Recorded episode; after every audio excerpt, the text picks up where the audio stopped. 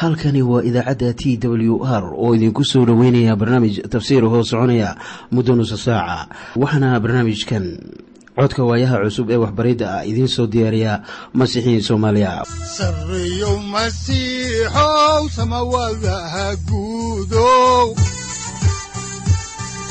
Siraadkii adduunkow subanaha eebow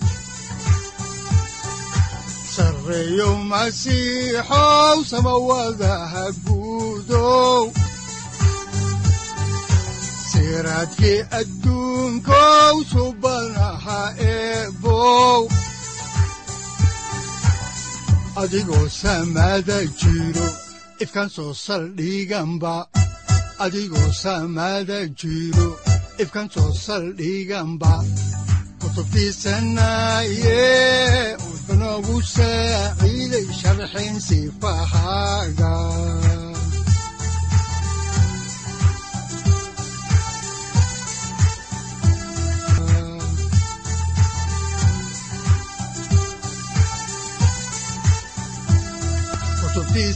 kutubtiisinayow ebnagu saaciid sharxin sifahaaga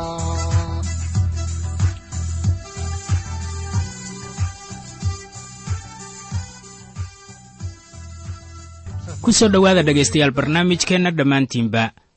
Waxaannu horay u sii ambaqaadi doonnaa daraasaadkii aynu ka soo xiganaynay kitaabka bilowgii ee loogu magacdaray baibalka dhammaantii waxaannu idiin sii wadi doonnaa caawa cutubka afar iyo labaatanaad ee kitaabka bilowgii waxaana cutubkan mawduucyadiisu ay kala yihiin kow qaadunkii ibraahim oo naag u raadinaya isxaaq labo qaadunkii oo qasadkaas ama dantaas u ambabaxay saddex qaadunkii oo rabeqa kula kulmay ceel afar qaadunkii oo lagu soo dhoweeyey gurigii batu'eel shan qaadunkii oo ka hadlay qasadkiisii lix.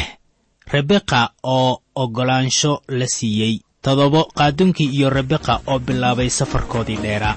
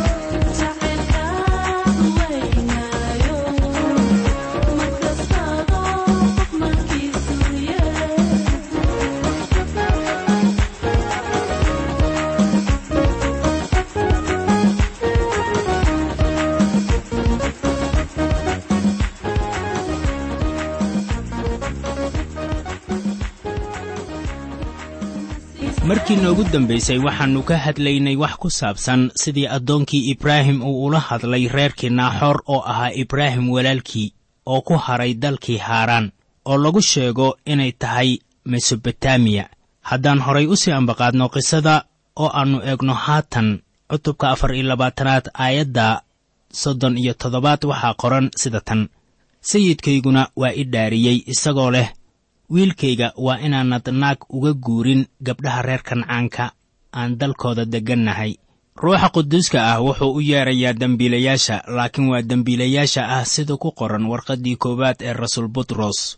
Cutubka koowaad aayadda saddex iyo labaatanaad oo leh idinku mar kale laydinkuma dhalin abuur baaba'aya laakiinse waxaa laydinku dhalay abuur aan baaba'ayn oo ah erayga ilaah oo nool oo waara waa kuwaas kuwa uu u wacayo waayo waa dembiilayaasha laakiin waxaa laga dhigay carruurtii ilaah. Rasuul bawlos ayaa isna qoray sidaas daraaddeed haddii qof masiix ku jiro waa abuur cusub oo waxyaalihii hore way idlaadeen. Bal eega wax waliba way cusboonaadeene waxaad ka heli kartaa korontiyos ka labaad cutubka shanaad aayadda toddoba iyo tobanaad. Ilaah qaadan maayo reer kancaan. Waa in carruurtiisa la cusboonaysiiyaa haddaan ku soo noqonno kitaabka bilowgii oo aan eegno faallada uu ka bixinayo addoonkii ibraahim qasdigii uu u yimid haaraan waxaan ka eegaynaa cutubka afar iyo labaatanaad aayadaha siddeed iyo soddon ilaa sagaal iyo afartan waxaana qoran sida tan. Laakiinse waxaad u kacdaa gurigii aabbahay iyo xigaalkaygii oo wiilkayga naag uga keen. Markaasaan sayidkaygii ku idhi waxaa laga yaabaa inaanay naagtu i soo raaci doonin. Oo wuxuu igu yidhi rabbiga aan hortiisa ku socdo wuxuu ku raacin doonaa malaa'igtiisa. Jidkaagana wuu kugu liibaanin doonaa.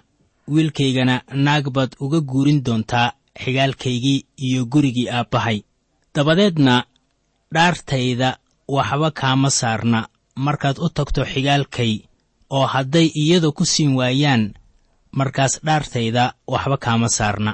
Maantaan isha imid oo waxaan idhi rabbiyow sayidkayga ibraahim ilaahiisow haddaad haatan jidkayga aan ku socdo igu liibaanisid bal eeg waxaan agtaagnahay isha biyaha ah. Gabadhii u soo baxda inay biyo dhaansato oo aan ku odhan doono waan ku baryayaaye ashuunkaaga. Iga sii in yar oo biyo ah aan cabe oo igu odhan doonta cab oortaadana waan u dhaamin doonaa taasu ha noqoto tii rabbigu uu u doortay wiilka sayidkayga. Oo intaan hadalkii qalbigayga ka dhammaan ayaa rebeqa ay soo baxday iyadoo ashuunkeedii garabka ku sidata. Markaasay ishii ku dhaadhacday oy soo dhaansatay. Anna waxaan ku idhi waan ku baryayaaye iwaraabi iyana intay dhaqsatay oo ay ashuunkeedii garabkeeda ka soo dejisay ayay tidhi cab oortaadana waan waraabin doonaa. Sidaas daraaddeed waan cabay oortiina way waraabisay. Markaasaan weyddiiyey oo aan ku idhi ina ayaa tahay? Oo waxay tidhi ina batuu'eel wiilkii naaxoor ay milkah u dhashay isaga. Markaasaan sangeliskii sanka u suray dugaagadihiina gacmaha u geliyey. Kolkaasaan madaxa foorariyey oon rabbiga caabuday oo waxaan ammaanay rabbiga ah sayidkayga ibraahim ilaahiisa oo igu soo hoggaamiyey jidkii toosnaa. Inaan gabadhii sayidkayga walaalkiis u kaxeeyo wiilkiisa. Haddaba haddaad sayidkayga ula macaamiloonaysaan si raxmad leh oo daacad ah ii sheega. Haddii kalese ii sheega. Inaan u leexdo xagga midigta ama xagga bidixda iminka waxaan ka hadli doonnaa maaddadan ah. Fasax baa la siiyey rebeqa qoyskan waxaa afhayeen u ahaa laabaan. Bal haddaba dhegayso wixii uu yidhi innagoo ka eegayna cutubka afar iyo labaatanaad aayadaha konton ilaa kow iyo konton. Waxaana qoran sida tan markaasay laabaan iyo batu'el jawaabeen oo yidhaahdeen. Waxaanu wuxuu ka soo baxay xagga rabbiga. Annana kugulama hadli karno xumaan iyo samaantoona. Bal eeg rebeqa waa ku hor joogtaaye kaxe oo la tag oo ha noqoto xaaskii sayidkaaga wiilkiisa. Sidii rabbiga uu ku hadlay. Waxay yidhaahdeen waxaanu wuxuu ka soo baxay rabbiga. Kaxee oo la tag rebeqa aynu sii wadno faallada kitaabka oo aan eegno aayadaha xiga ee konton iyo labo ilaa konton iyo saddex. Waxaana qoran sida tan markii uu ibraahim addoonkiisii hadalkoodii maqlay ayuu rabbiga u sujuuday markaasuu addoonkii soo bixiyey jawharo dahab ah iyo dhar oo rebeqa siiyey. Walaalkeed iyo hooyadeedna wuxuu siiyey waxyaalo qaali ah. Waa habkaas habka ruuxu wax u siiyo carruurta ilaah. Waxaannu leennahay daacadnimada hubaasha ruuxa markii aynu u nimaadno masiixa maadaama rumaysad laynagu caddeeyey waxaannu la nabdaynaa ilaah waxaanan leennahay xidriir waxaan kaloo leennahay farxad waxaan leennahay rajo waxaan kaloo leennahay ruuxa quduuska ah. Waxaad taas ka eegtaa rooma cutubka shanaad aayadaha kow ilaa shan. Waxyaabahaas ayaa ah waxyaabo wanaagsan ee loo sameeyey oo loo soo gudbiyey rumaystayaasha maanta. Haddaan halkii idinkaga simiisno ayaa waxaa ku qoran cutubka afar iyo labaatanaad aayadaha konton iyo afar ilaa shan iyo konton sida tan. Markaasay wax cuneen oo wax cabeen isaga iyo raggii la jirayba. Habeenkii oo dhanna halkaasay joogeen. Aroortii bay kaceen oo wuxuu yidhi xagga sayidkaygii ii dira. Walaalkeed iyo hooyadeedna waxay yidhaahdeen gabadhu hanala joogto dhowr maalmood. Ugu yaraan toban beri. Dabadeedna way tegi doontaa. Subaxdii xigtay ayuu qaadunkanu yidhi waan tegayaa waxaan kuu sheegayaa in ninkanu ibraahim u hayay hool weyn. Walaalkiina wuxuu yidhi maxaad u degdegaysaa ilaa iyo muddo toban maalmood ah na sii si aynu u sagootinno gabadha. Ha yeeshee wadaxaajood ayaynu xaalkan kala yeelan doonnaa iyada haddaan si ambaqaadno qisada ayaa waxaa ku qoran aayadaha xiga ee lix iyo konton ilaa toddoba iyo konton sida tan markaasuu ku yidhi iyagii rabbigu waa igu liibaaniyey jidkaygii. Sidaas daraaddeed ha iraajinina ee idira inaan sayidkaygii u tago. Markaasay yidhaahdeen gabadha waannu u yeedhi doonnaa oon weyddiin doonnaa. Waxaynu haatan soo gaarnay meel muhiim ah oo aan malaynayo inay aad u wacan tahay. Haddaba tan yaanay ku dhaafin ee si hagaagsan u dhegayso dhegaystow waxaan ka akhrinaynaa qisada cutubka afar iyo labaatanaad aayadda siddeed iyo kontonaad waxaana qoran sida tan. Markaasay rebeqa u yeedheen oo waxay ku yidhaahdeen ninkan ma raacaysaa oo waxay tidhi haa waan raacayaa. Haddaan dib ugu noqonno kitaabka bilowgii cutubka afar iyo labaatanaad oo aan eegno aayadaha konton iyo sagaal ilaa lixdan waxaa qoran sida tan. Markaasay walaashood rebeqa direen iyada iyo mididiinteedii iyo addoonkii ibraahim iyo raggiisiiba oo rebeqa bay u duceeyeen ay ku yidhaahdeen walaashayooy kumanyaalkun hooyadood noqo farcankaaguna kuwa iyaga necab iriddooda ha hantiyeen. Ballankan horaa loo kaamilay. Haatan intaa uga hadli mayno wax ku saabsan inaan ballankan la kaamilin laakiin waxaynu uga hadlaynaa in la kaamilay waxyigan iminkana aynu eegno maaddada ah addoonkii iyo rebeqa ayaa bilaabay socdaalkoodii.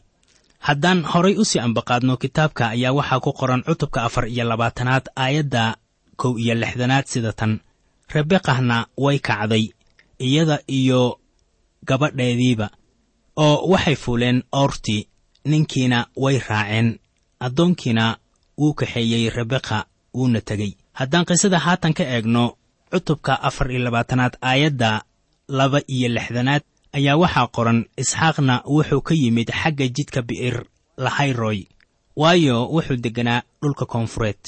Halkan waxay ku taallaa dhanka hoose ee dhulka bilicda san ee deegaanka xebron iyo bi'ir-shebec haddaan faalladii kitaabka halkii ka sii wadno ayaa waxaa ku qoran aayadda saddex iyo lixdanaad sida tan oo gabaldhici ayaa isxaaq barrinka u soo baxay inuu fikiro. Markaasuu indhihiisa kor u taagay uu wax fiiriyey oo wuxuu arkay oor soo socota. Haddaan dib ugu soo noqonno cashirkeenna aayadaha lixdan iyo afar iyo lixdan iyo shan ee isla cutubkan waxaa qoran sida tan rebeqahna indhaheedii bay kor u taagtay oo markay isxaaq aragtay ayay ratigii ka degtay oo waxay addoonkii ku tidhi waa ayo ninkaas barrinka dhex socda oo inaga hor imaanaya. Addoonkiina wuxuu yidhi waa sayidkaygii. Markaasay indhashareerteedii qaadatay oo ay hagoogatay. Innaga ah kuwa ku xidhan masiixa waa in laynagu dadaa xaqnimada masiixa. Laakiinse isagu horow xaq inooga dhigay. Waxaa loo bixiyey xadgudubyadeenii waxaana loo sara kiciyey caddaynteenna si aynu ku helno xaqnimo ina awoodsiisa inaan hortiisa istaagno.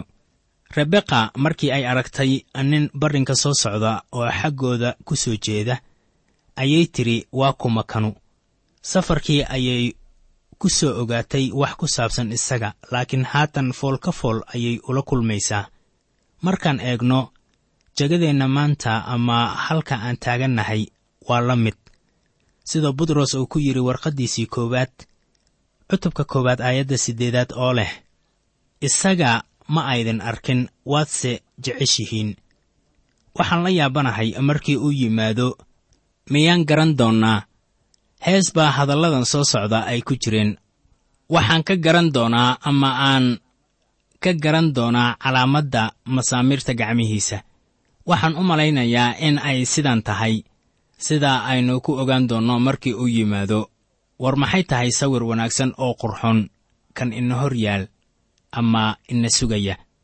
Haddaannu ku soo noqonno kitaabka bilowgii cutubka afar iyo labaatanaad aayadda lix iyo lixdanaad waxaa qoran sida tan. Addoonkiina wuxuu isxaaq u sheegay wixii uu sameeyey oo dhan. Ruuxa quduuska ah wuu ina shaabadeeyey oo wuu ina samata bixinayaa maalinta furashada. Hadalkayga u fiirso waa hubaal in addoonkii ibraahim uu u kicitimay inuu gabar u doono nebi isxaaq. Haatanna waxaa la soo gaaray markii laysku guurin lahaa rebeqa iyo isxaaq. Aynu eegno aayadda lixdan iyo toddobaad ee ugu dambaysa cutubka afar iyo labaatanaad. Waxaana qoran sida tan. Isxaaqna wuxuu iyadii soo geliyey teendhadii hooyadii saara. Rebeqahna wuu guursaday oo naagtiisii bay noqotay wuuna jeclaaday iyada oo isxaaq waxaa laga qalbi qaboojiyey geeridii hooyadiis. Waxaa qoran wuuna jeclaaday iyada. Masiixu wuxuu jeclaaday kiniisadda oo wuxuu naftiisii u bixiyey kiniisadda waxaa kaloo la qoray oo isxaaq waxaa laga qalbi qaboojiyey geeridii hooyadiis. Waxaa haddaba tanu ay inoo muujinaysaa in masiixu wax badan uu ka helayo badbaadadeenna. Wuu ina doonayaa oo ina sugayaa waxaanse ku taamayaa inaan aniga iyo adiguba aynu daacad u noqonno kan ina jecel. Iminkana ku soo dhowaada dhegaystayaal cutubka shan iyo labaatanaad. Cutubkanina waa cutub qaayo weyn leh oo ka tirsan kitaabka quduuska ah. Waxaa ku qoran dhimashadii ibraahim iyo dhalashadii mataanaha u dhashay isxaaq iyo rebeqa oo la kala odhan jiray ciisow iyo yacquub. Waxaa kaloo cutubkani uu qorayaa faracii ismaaciil iyo faracii isxaaq waxaa kaloo uu qorayaa dhacdadii ku saabsanayd curadnimada.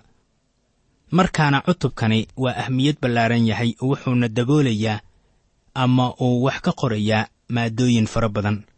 Waxaa kaloo cutubkani lagu soo gunaanadayaa qisadii noloshii nebi ibraahim laakiin sida daacadda ah qisadiisii waxay ku dhammaatay cutubka afar iyo labaatanaad markii uu diray addoonkiisii si uu wiilkiisa isxaaq gabar ugu doono cutubkan shan iyo labaatanaad wuxuu ka kooban yahay mawduucyo dhowr ah waxayna kala yihiin kow ibraahim oo guursaday khatuura oo wiilal badanna dhalay. Labo ibraahim oo weli isxaaq u haysta inuu yahay kan dhaxalka leh. Iyo saddex ibraahim oo dhintay. Afar faracii ismaaciil. Shan qisadii isxaaq oo la soo celiyey waxaana dhashay ciisow iyo yacquub. Lix ciisow oo ka iibiyey dhaxalkii curadnimadiisa yacquub. Iminkase aynu eegno maaddada ah ibraahim oo guursaday khatuura wuxuuna dhalay wiilal badan. Haddaan soo guda galno cutubkan shan iyo labaatanaad ayaan ugu horrayntaba waxaan ku bilaabaynaa aayadaha kow ilaa labo ee cutubka koowaad. Waxaana qoran sida tan. Ibraahim wuxuu guursaday naag kale magaceeduna wuxuu ahaa khatuura oo waxay u dhashay simraan iyo yokshaan iyo medaan iyo midyan iyo yishbaakh iyo shu'ah. Haatan ibraahim qoyskiisii wuu batay wuxuuna yeeshay qoyskii ugu ballaarnaa tan iyo markii ay dhimatay zahra. Dad baase odhan kara waxay ila ahayd markii isxaaq dhalanayay in ibraahim awooddiisii wax dhalista ay gabaabsi ahayd. Taas waan idinka yeelayaa laakiin markii ilaah uu wax samaynayo sida hubaasha ah uu sameeyaa waxyaabahaas. Taasina waa sababta aan u rumaysanahay. Wax waliba ee uu ilaah sameeyo in oggolaanshihiisa uu la socdo. Waxaannu inta ku arkaynaa in ninkan ibraahim ah uusan awoodin oo keliya inuu isxaaq dunida keeno laakiin haatan wuxuu dunida keenay qoysas badan ama carruur aan idhaahde dunidan. Waxase xiisaha leh waxa weeye in inta laynoogu sheegay medaan iyo midyaan wiilasha kale xitaa quruumo baa ka soo farcami doona laakiin quruumihii ka soo farcamay garan maayo. Welibana xiise igama hayo maxaa wacay? Soo geli maayaan qorriinka laakiin midyan wuu soo gelayaa. Waxaannu kol dambe ogaan doonnaa in muuse uu u kicitimo dhulkii reer midyan oo halkaas uu ka soo qaato xaas ama ka soo guursado naag. Waxaad xusuusataa in reer midyan ay ku jiraan faraca ibraahim waxaana kaloo la mid ah reer medan waxaannu halkan ku arkaynaa inay jiraan wiilal kale oo uu ibraahim dhalay laakiin sayidku wuxuu yidhi waa isxaaq kan faraca ibraahim loogu yeeri doono. Mase ahan mid ka mid ah wiilashii kale. Ha ahaado ismaaciil amase midyan amase medaan kuwaas oo dhan waxay ahaayeen reer baadiye deggan lamadegaanka iminkana aynu eegno maaddada ah ibraahim oo isxaaq ku tilmaamaya inuu yahay kii la doortay iyo ibraahim oo dhintay. Waxaannu halkii ka sii wadaynaa xigashada kitaabka bilowgii waxaannu eegaynaa haatan cutubka shan iyo labaatanaad aayadaha shan ilaa siddeed waxaana qoran sida tan. Ibraahimna wax alla wuxuu lahaa wuxuu siiyey isxaaq laakiin naagihii addoommada ahaa oo ibraahim haystay wuxuu wiilashoodii siiyey hadiyado oo intuu isagu noolaa ayuu ka diray wiilkiisii isxaaq. Bari buuna u diray xagga dhulka bari. Sannadihii ibraahim noolaa oo cimrigiisu ahaa waa boqol iyo shan iyo toddobaatan sannadood. Ibraahimna waa naf baxay.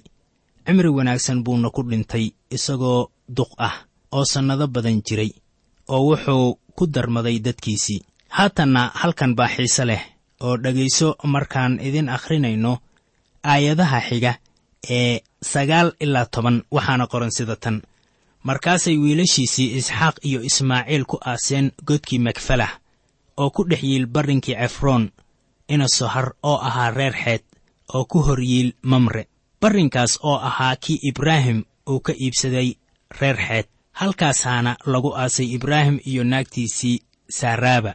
Ismaaciil wuxuu u yimid duugta waayo ibraahim waa aabbihiis markaana isxaaq iyo ismaaciil labaduba waxay duugeen ibraahim. dabadeedna isxaaq wuxuu u kicitimay meeshuu markii ugu horraysay kula kulmay rebeqa haddaan sii wadno faallada kitaabka ayaa waxaa ku qoran cutubka shan iyo labaatanaad aayadda kow iyo tobanaad sida tan. ibraahim geeridiisii kadib ayaa ilaah barakadeeyey wiilkiisii isxaaq. isxaaqna wuxuu ag degganaa bi'ir lahayroy iminkana aynu eegno maaddada ah faracii ismaaciil markaad eegto aayadaha laba-iyo toban ilaa siddeed iyo toban ayaa waxaa halkan yaalla faracii ismaaciil oo ahaa wiilkii ibraahim. Kaasoo haagaar tii reer masar oo ahayd addoontii sahraa ay u dhashay ibraahim. Magacyadoodii halkan baa laynagu siiyey. Waxaan doonayaa inaan idiin dareensiiyo habkan ah qorniinka faraca inuu yahay hab ruuxa quduuska ah oo ku isticmaalo kitaabka bilowgii faraca aan la doonayn ayaa marka hore la soo hormariyaa. Dabadeedna meel baa layska dhigaa oo kol dambeetana lama sii sheeg sheego.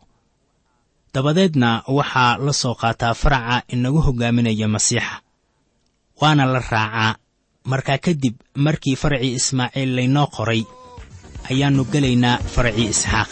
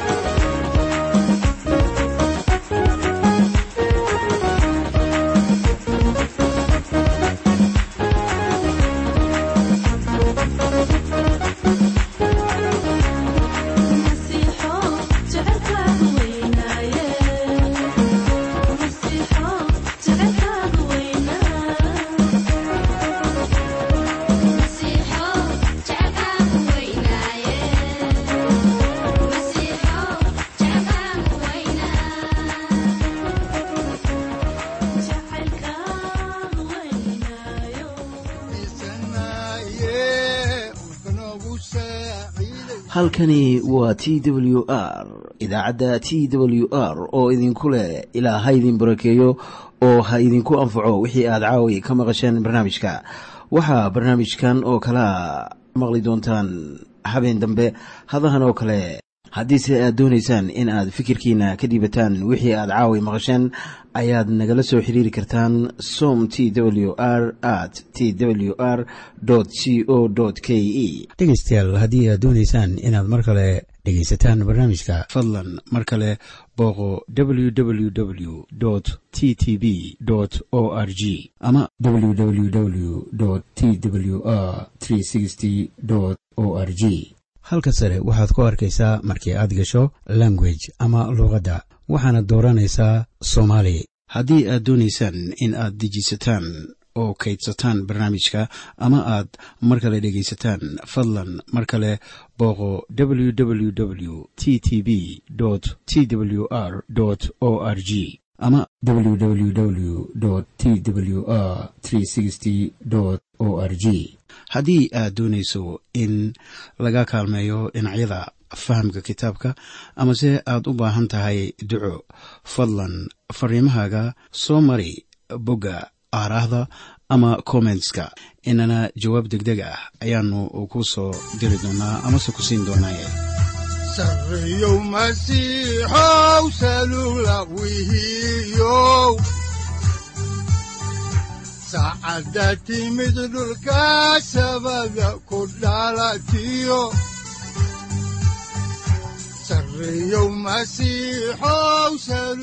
halkani waa t w r oo idiin rajaynaya habeen baraare iyo barwaaqaba leh inta aynu ka gaari doono wakhti aynu ku kulanno barnaamij la mida kan caawayay aad maqasheen.